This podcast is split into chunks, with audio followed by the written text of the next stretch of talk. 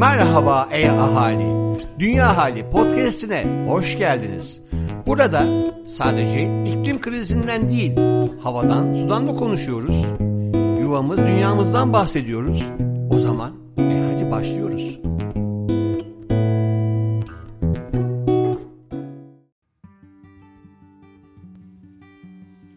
Merhaba, ben sanatçı Sedef Gali.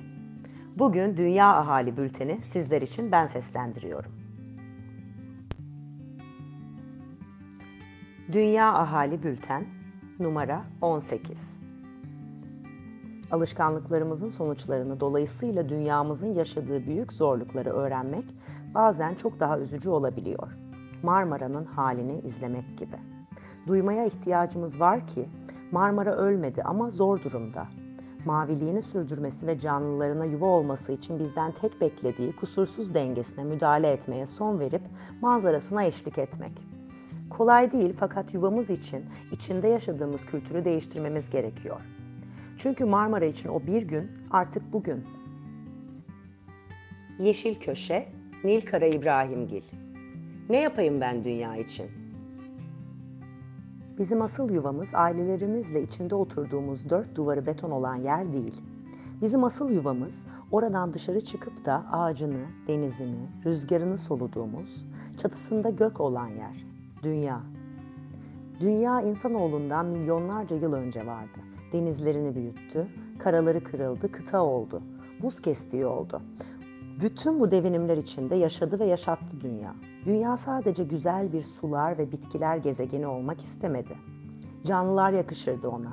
Deli bir canlılık başladı. Önce suda, sonra karada. Şu an dünyada baobab ağacından flamingoya, mercanlardan tek boynuzlu balinalara kadar inanılmaz güzellikte bir canlılık var. İnsanı da bu güzelliğin içine katmak isterdim ama insanın ona verdiği zararı diğer türlerin hiçbiri vermedi. İnsan dünya canlılığını yiyecek, tüketecek, sömürecek bir şey olarak yaşadı. Okyanustakinden dağdakine, nefes alan atmosfere, zararlı gazlar bırakan medeniyetler kurdu. Aç gözlü bir varlıktı. İhtiyacı olandan çok daha fazla tükettiği gibi üretti de. Az sayıda insanın çok şeyi oldu. Arta kalanları da dağıtmadı olmayana. Çöp yaptı ya da yaktı. Komşunun evi kadar büyüğünü istedi. Olduğundan daha uzak yerlerde aradığı mutluluğu. Topladı da topladı. Yedi de yedi. Gezdi de gezdi. istedi de istedi. Bu istek bitmek bilmiyordu. Sonra tabii evine, midesine, hayatına fazla gelen şeyleri atmak zorunda kalıyordu. Sonunda dünyanın havası kirli, atmosferi delik, denizleri kimyasal dolu, ormansız, buzulsuz, çöplük ve virüslü hali azalan canlılığı insan eliyle oldu. İnsanın hep ona yetenden daha fazlasını istemesinden oldu. İnsan olmasa dünyada çöp diye bir şey yokmuş. Hayvanlar ve bitkiler onlara yeteni kadar yiyip gerisini tekrar döngünün içine bırakıyor. Oğluma akşamları okuduğum bir kitap var. Adı Kütük Otel. O kitabı okuyan dünyadaki canlıların nasıl bir uyumla birbirine canlılık adına eklemlendiğini anlar. Kitapta koskoca bir meşe ağacı yaşlanıp devriliyor bir gün. Kütük oluyor ormanın toprağında. Sonra ilk solucanlar ve böcekler gelip içini yiyerek tüneller kazıyorlar. Mantarlar geliyor, onlar da başlıyor eritmeye kütüğü. Ağaç kakan gelip kütüğü dinliyor. İçindeki böcekleri, solucanları duyup gagasıyla kütüğü parçalayıp onları yiyor. Bir yılan yerleşiyor içine, kışı geçirmek için. Salyangozlar geliyorlar. Mantarları ve üzerine birikmiş yosunları yiyorlar. Sonra kuştu, mantardı, eğrelti otuydu, böcekti, yosundu, kertenkeleydi derken kütük tamamen yumuşuyor ve kalanını da solucanlar yiyip toprak yapıyorlar. Derken yanındaki meşeden bir meşe palamudu düşüyor yere. Çatlayıp tohumunu toprağa bırakıyor. Yağmurlarıyla suluyor onu dünya ve filizleniyor yeni meşe. O da devrilen meşe gibi 100 yıl yaşayan koskocaman bir ağaç olacak. Kim bilir kökünden yaprağına, gölgesinden nefesine kaç canlıya şifa olacak, ev olacak. Neden bir ağaç kadar düşünemiyoruz? Onun beyni nerede bilmiyorum ama belki beynimizi kafamızda bir tasın içinde taşımaktansa bütün hücrelerimizde taşısaydık başka olurdu. Yine de hepimizden umudum var. Gelin bugün başlayalım ağaçlar gibi dünyaya sarılmaya. Asıl yuvamızı korumaya, kollamaya, temiz tutmaya bugün başlayalım. Başlamak zordur. Nasıl mı başlayalım? Yuvam Dünya Derneği'nin iklim dostu yaşam rehberini bir okuyun. Sonra bir maddesinden tutun ucunu, ben de öbür ucundan tutuyor olacağım. Beraberce denizlerin müsilaj kusmadığı ve kuşların şarkısının susmadığı bir dünya bırakalım yavrular. Onlar bizim verimli toprağımıza düşen meşe palamutları olsun. İklim Masası Çağla Fadıllıoğlu Haberler İklim değişikliği istilacı bitki zararlılarının yayılmasına sebep olabilir. Birleşmiş Milletler Gıda ve Tarım Örgütü ve Uluslararası Bitki Koruma Birliği tarafından iklim değişikliğinin bitki zararlıları üzerinde etkisini inceleyen bir çalışma yayımlandı. Çalışma özetine göre iklim değişikliği dünyanın biyosferi ve tüm insanlık için eşi benzeri görülmemiş bir sorun. Bitki sağlığını da ciddi anlamda tehlikeye sokuyor. İnsan faaliyetlerinin yoğunluğu ve büyüyen küresel pazar, artan sıcaklarla birleşerek bitki zararlılarının yayılması ve yaşaması için elverişli bir durum oluşturdu. Ülkelerin iklim değişikliğine uygun şekilde risk yönetim kararları almalarına yardımcı olmak için uluslararası işbirlikleri ve bitki koruma stratejileri geliştirilmesi gerekiyor. Bitki zararlıları, biyoçeşitlilik kaybının ana tetikleyicileri arasında bulunuyor. Birleşmiş Milletler Ajansı tarafından aktarılana göre küresel tarım ürünlerinin yaklaşık %40'ı şu anda bitki zararlıları yüzünden yok ediliyor. Karbondioksit seviyesi endüstri dönemi öncesine kıyasla %50 daha fazla. Son yapılan ölçümlere göre 2021 Mayıs ayı içerisinde atmosferde bulunan ortalama karbondioksit miktarı milyonda 419,13 parçacık seviyesine çıktı. Bu miktar endüstri dönemi öncesine kıyasla ise %50 daha fazla. Bunun yanında 10 yıllık ortalama karbondioksit miktarı artışı da rekor seviyede. Endüstri döneminden bu yana görülen karbondioksit miktarı artışı tarihte hiç görülmediği kadar hızlı gerçekleşti. Sebebi ise atmosfere saldığımız sera gazları. 1990-2019 Türkiye sera gazı emisyon istatistikleri. Türkiye İstatistik Kurumu tarafından yayımlanan emisyon verilerine göre Türkiye'de 1990 yılında 219,6 milyon ton karbondioksit eşdeğeri olan yıllık toplam sera gazı emisyonu 2019 yılında 506,1 milyon ton karbondioksit eşdeğerine, kişi başına düşen sera gazı emisyonu ise 1990'da 4 ton karbondioksit eşdeğeri iken 2019'da 6,1 tona yükseldi. Toplam sera gazı emisyonlarının sektörel dağılımına gelince 2019 yılında birinci sırada %72 ile enerji kaynaklı emisyonlar, ikinci sırada %13,4 ile tarım, üçüncü sırada 11,2 ile endüstriyel işlemler ve ürün kullanımı. Köşe bucak dünya. Profesör Doktor Levent Kurnaz. Kuraklık ve gıda güvenliği. İnsanlığın başlangıcından bu yana yiyecek, yemek ve içecek temiz su bulmak en önemli problemdir. Bu problem günümüz gelişmiş ülkelerinde kısmen azalsa da dünyanın az gelirli %20'si için hala birincil sorun olmaya devam etmektedir. Bir yandan nüfus artışı, diğer yandan iklim değişiklikleri, temiz gıda ve gıda güvenliğini günümüzün olduğu kadar geleceğin de asli gündem maddesi haline getirmektedir. Birleşmiş Milletler Gıda ve Tarım Örgütü verilerine göre tüm dünyadaki gıda fiyatları şu anda son 10 senenin en yüksek düzeyine ulaşmış durumdadır. Gerek talepteki artış, gerekse de iklim krizi nedeniyle yaşanacak problemler gıda güvenliğini gündemimizin üst sıralarına taşıyacaktır.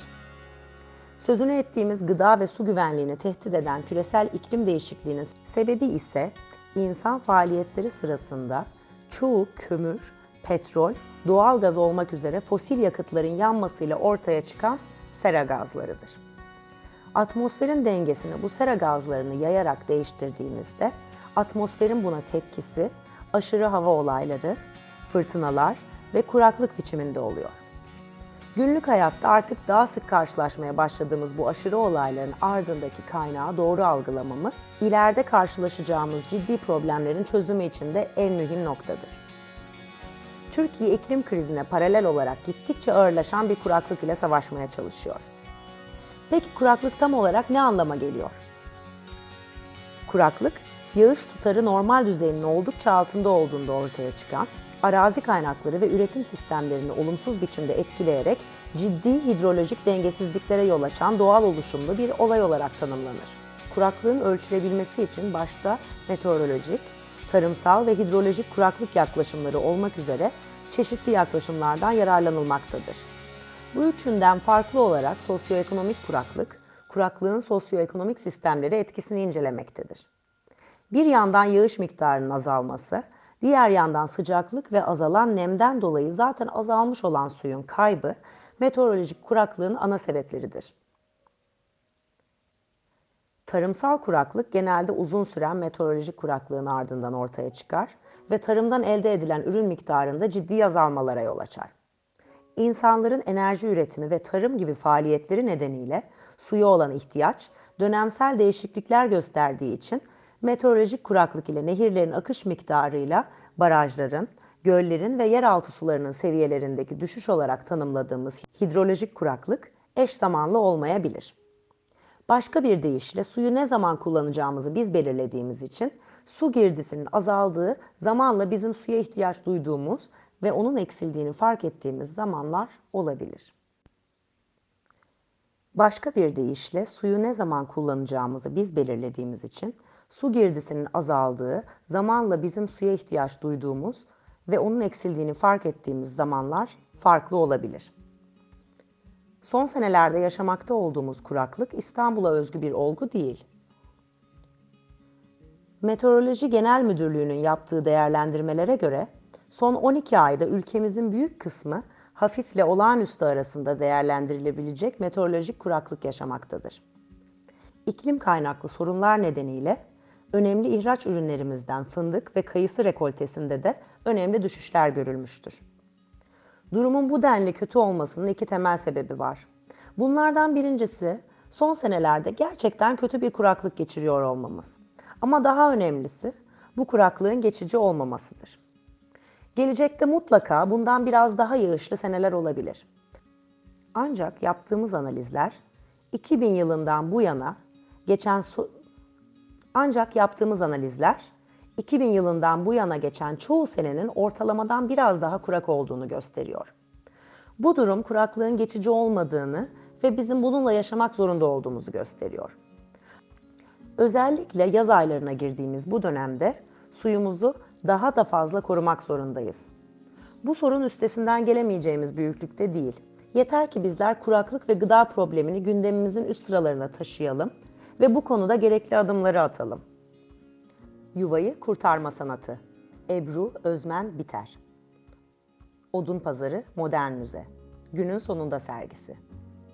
Odun Pazarı Modern Müze, Avrupa'da Yılın Müzesi Ödülleri 2021 kapsamında yenilikçi bir bakış açısı geliştiren ve diğer Avrupa müzelerine örnek olabilecek müzelere verilen özel takdir ödülünün sahibi oldu. Son güncel sergisi günün sonunda ise 36 sanatçının eserleriyle bizi dünyamızın geleceği üzerine düşünmeye davet ediyor. Dünyamız biz olmadan yaşamaya devam edebilir. Peki türümüz bu bilgiyi özümseyerek doğanın içinde var olmanın daha saygılı yollarını arayacak mı? Sergi seçkisi aynı zamanda Ursula Kroeber Le Guin'in Dünyaya Orman Denir öyküsünden yola çıkıyor. Eserler ile tüketimi doyurmak için daha da çok üretim, doğanın insan için bir meta olabileceği yanılgısı, zorunlu göç gibi konulara dikkat çekiliyor. Yuvam dünyalılar ne yapıyor? Öneriler Özgül Öztürk Takip ediyoruz. EIT kentsel ulaşım bölgeleri, şehirler veya bağlı kuruluşlar için mevcut kamusal alan çözümlerinden yararlanma, Yeni Avrupa Bauhaus çağrısı.